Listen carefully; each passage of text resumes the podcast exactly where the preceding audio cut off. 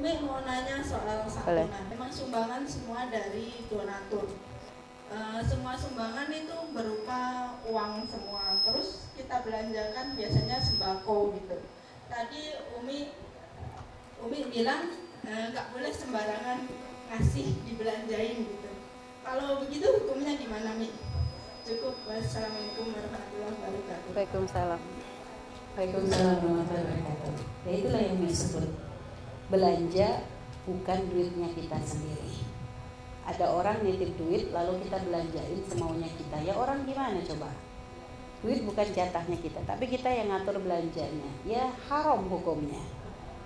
Jangankan ke orang fakir, apalagi ini anak yatim ke orang ke sama-sama teman kita aja udah dosa kok ya jadi ke ke orang misalnya Teh Ami kayak tadi Teh Ami nitip duit ke Umi kasihin ke A nggak taunya sebelum dikasihin ke A Umi belanjain dulu. Padahal Teh Ami nggak nyuruh. Si A juga nggak ngomong gitu. Kan kurang ajar Umi. Wong Teh Ami nyuruh ngasih duit kok bisa Umi belanjain dulu? Inisiatif sendiri. Lo kan kurang ajar. Ini urusan. Ibu tolong tenang jangan ngobrol dulu. Bu jangan ngobrol masing-masing ya. Kita adab kita di majlis dulu kita pakai. Baik. Jadi kayak begitu kita kira benar nggak? Ini kalau ke orang biasa aja sudah dosa apalagi jika ini ternyata hartanya anak ya yatim. Walaupun ujung-ujungnya kita kasihin. Tapi kan kita belanja belum tentu kebutuhannya dia itu. Jangan-jangan kemarin dia baru, baru baru dapat bantuan sembako dari yang lain kayak begitu. Butuhnya sekarang duitnya. Eh, itulah jadi makanya kalau sudah seperti itu gimana? Jual kembali. Jual kembali berasnya dengan duit supaya kembalikan dengan dana awal. Lalu nanti diberikan dalam bentuk uang karena memang dititipkannya adalah uang. Umi udah telanjur dikasihin. Bertobatlah kepada Allah. Kalau bisa ya kita niatin di kodok.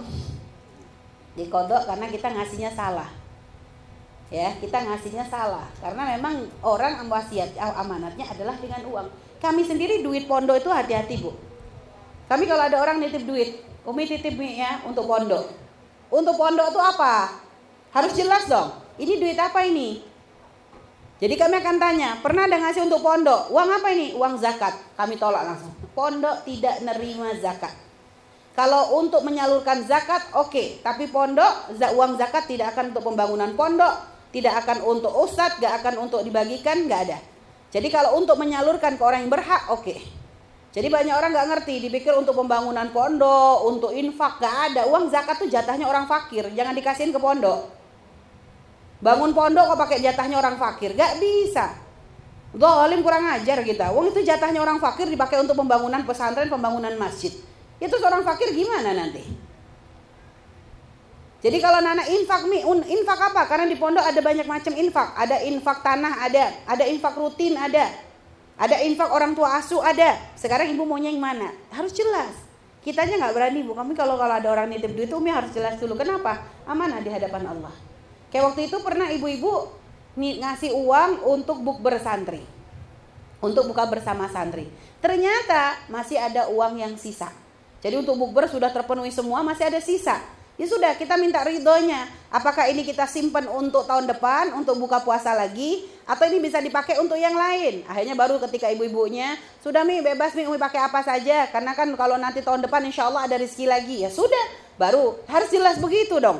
Nggak boleh niatnya untuk bukber, lalu saya pakai untuk untuk lebaran. Itu sudah pelanggaran. Karena niatnya bukber itu buka puasa. Berarti hanya untuk berbuka, nggak boleh dipakai yang lain. Nah itu sudah aturan, nggak bisa diganti-ganti itu. Paham ibu ya? Jadi begitu. Jadi kalau masih belum dibagikan, diganti lagi. Dijual lagi, diuangkan lagi sesuai jumlah awal. Kalau sudah telanjur dibagikan, Bismillah ibu. Allah maha pengampun, ibu nggak ngerti. Akan tetapi tetap mungkin kalau bisa kita upayakan untuk bisa mencicilnya. Paling tidak ya ini menjadi anggap sajalah kita ya insya Allah Allah gampangkan rizki kalau kita niatnya baik kok. Karena sudah atau berarti atau mungkin ibu minta ikhlasnya kepada yang memberi dan kepada yang menerima. Karena ibu telah membelanjakan uang yang bukan pada tempatnya. Jadi minta ikhlas kepada yang memberi, minta ikhlas kepada yang menerima. Kalau ternyata yang menerima, oh, saya lebih butuh duit ya sudah, ibu ganti dengan uang. Jadi seperti itu lebih maslahat. Wallahu a'lam bishawab. Ya, Ibu sudah cukup. Second. Untuk pertanyaannya dijawab sama Umi. Ibu sudah cukup? Ada lagi? Sudah, Iya. biar Dari sini ya. Maaf, untuk santri. Berarti kita Oh belum belum, sabar. Belum selesai. bagaimana dialognya ke donatur itu eh, nanti kita mm, sembako sebagian sebagian kita kasih uang gitu bisa nggak? Pokoknya kalau orang ngasih duit dalam bentuk duit jangan diganti-ganti dengan sembako, harga mati. Baiklah, makasih. Jadi gitu ya. Jadi harga mati. Kalau orang ngasih sembako baru ngasihnya sembako. Jadi kalau sudah dengan duit jangan disembakoin itu harga mati. Mau separuh, mau seluruhnya, mau seperempatnya tidak boleh. Karena itu namanya kita tidak amanah. Ini Bu ya. Jadi biar Ibu, makanya Ibu, kenapa kok kami bahas? Karena kasus ini banyak. Dan kami nggak ingin ibu-ibu yang sudah niat baik, kami yakin nih, yang berjuang kayak begitu tuh orang-orang soleha punya niat baik. Hanya mungkin belum ngerti ilmunya. Makanya di sini kami berikan bimbingan biar ibu tidak salah dalam melakukan kebaikan. Jadi berbuat baik pun ternyata punya cara. Ibu tolong jangan ngobrol dulu. Ibu tenang. Jadi nanti kalau ada kasus serupa, ayo mulai dirembukin lagi solusinya gimana. Mungkin kalau sembako masih bisa bisa dijual, diuangkan lagi aja. Jadi belum terlambat kok gitu. Jadi dibentuk dalam bentuk uang. Jadi kalau memang orang ngasihnya uang, ya dalam bentuk uang. Kecuali dari donaturnya gini, ini saya nitip uang ya, tolong kamu belikan beras bagiin untuk fakir miskin. Loh itu lain cerita. Karena memang dia akadnya ngasihnya uang, tapi dia pesannya beras. Karena yang ngasihnya berarti dia ngasihnya dalam bentuk beras. Itu kita belanjain. Dan kalau kita belanjain ibu, karena ibu niat untuk mengumpulkan dana ini kan lillahi ta'ala. Kalau dia misalnya ngasih 10 juta, dia nyuruh tolong 10 juta nih belikan beras. Pokoknya sedapatnya beras langsung bagikan ke fakir miskin. Maka 10 juta itu jangan sampai ibu potong untuk beli es satu bungkus. Tapi kan saya capek nih, saya belanja keliling pasar keringetan.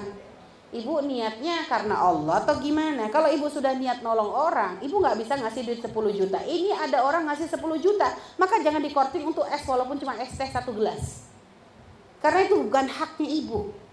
Kalau memang ada kayak begitu, harus ada pakai dana lain lagi. Misalnya dalam ini kan ada dana apa namanya? Dana untuk apa istilahnya untuk yang wirawiri kayak gitu tuh lah. Nah itulah sudah pokoknya dana. Tapi paling enak sudah lah bu. Kalau cuma untuk es pakai duit kita sendiri. Saya nggak bisa nyumbang. Saya cuma bisa menyumbang tenaga. Biarin deh. Saya capeknya dapat. Saya pakai tenaga sendiri. Duit untuk jajan sendiri. Apa? eh, konsumsinya sendiri. Terus untuk wirawirinya pakai duit sendiri. Yang penting saya bisa berbagi dengan orang fakir. Karena memang mampunya saya seperti itu. Itu hebat lagi. Ya bu ya. Mohon maafnya bu ya. Jadi ini saya bukan menyampaikan dengan hawa nafsu. Ini adalah ilmu yang memang harus kami sampaikan karena kami pengen ibu-ibu semuanya mendapatkan kebaikan pahalanya maksimal. Dan insya Allah, makasih. Wallahu a'lam bishawab.